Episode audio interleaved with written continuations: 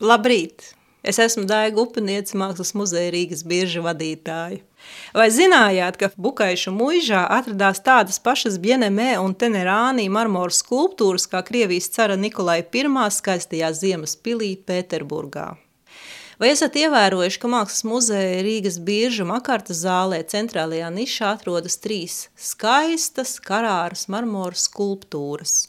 Viena no tām ir neoklasicisma laika tēlnieka Luigi Bienemē brīnums skaistā Bahante kura nogurus no pārmērīgas uzdzīves, laiski atlaidusies uz zvērādas, tur rokās vīna krūku. Bahantas ķermenis atbilstoši paraugiem, kas ir meklēti antīkajā tēlniecībā, ir pati pilnība. Bienemē darbiem ir ļoti dziļa vēsture, kā tie ir nokļuvuši šeit Latvijā. 1805. gadā grāfiena Šarlote von Līvena Latvijas dienvidu pierobežā gandrīz blakus tērvetei nopirka bukaišu mūžu.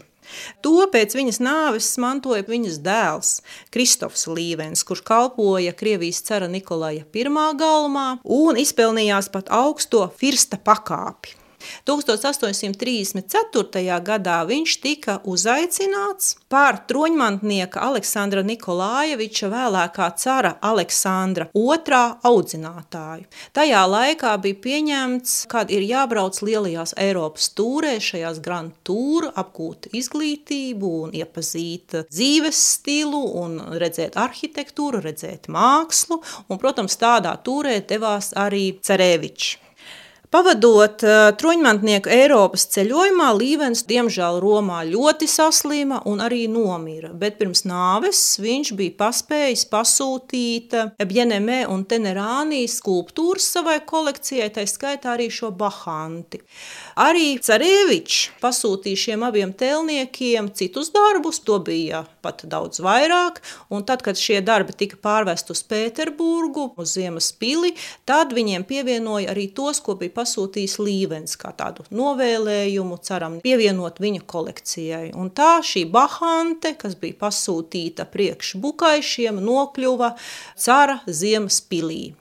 Pēc daudziem gadiem Kristofa Līvena dēls, arī Aleksandrs, kas arī strādāja šajā diplomātiskajā dienestā, kalpoja caram, Starp daudzajām pilsētām, kur viņš tika nosūtīts, viena no viņām bija Neapole. Neapolē viņš iegādājās namu, ko izvērta par ļoti skaistu villu, kas bija rotāta ar tēlniecības darbiem, ap kuru bija ļoti skaists ziemeļniecisks dārs visiem par brīnumu, jo koki bija vairāk tādi, kādi ir šeit ziemeļos, nekā tur dienvidos.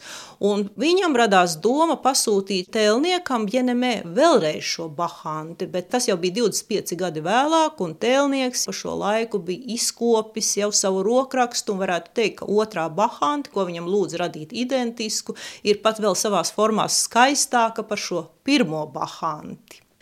Vēlāk pārceļoties atpakaļ uz saviem dzimtas īpašumiem Latvijā, uz šo bukaišu villu, tika pārvesti arī telniecības darbi un tika bukaišos izveidota brīnumskaista vieta. Ap šo villu tika izveidots savukārt dienvidnieciskas dārzs. Tur kalpoja par pavāriem no Francijas izrakstīti pavāri, tur piekopa ļoti smalku dzīves stilu, un tā viņi dzīvoja līdz 1905. gadam, kad sajūta, ka nebūs labi. Revolūcijas laikā viņi saprata, ka pienākušas grūtas dienas, un drošības pēc šie telniecības darbi tika pārvest uz Mītavu, tagadējo Jelgavu, uz Kurzemes provinces muzeju, tā skaitā arī Bahante.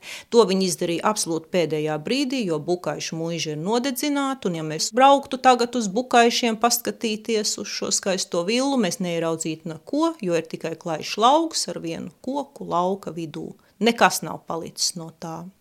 Ar to vēl stāsts arī nebeidzās, jo sākoties otrajam pasaules karam, tika nopostīts arī šis muzejs, bet skulptūras arī šoreiz paspēja pārvest, un pārvest šoreiz uz Rīgu, uz pilsētas mākslas muzeju.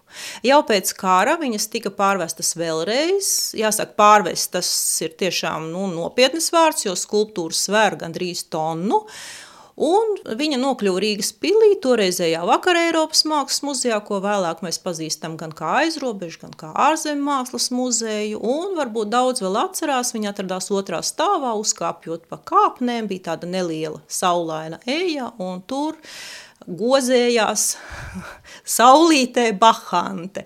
Tā tas bija līdz 2010. gadam, kad viņa tika pārvesta uz Rīgas biržu un tur atrodas šajā Makarta zālē pašā ekspozīcijas centrā. Savukārt Aleksandra Līvena tēva pasūtītā skulptūra vēl ar vienu ir apskatāma Ziemaspilī, valsts ermitāžā. Kad varēsiet aizbraukt uz Sanktpēterburgu, sameklējiet valsts ermitāžā šo skulptūru, un es domāju, jums būs interesanti salīdzināt.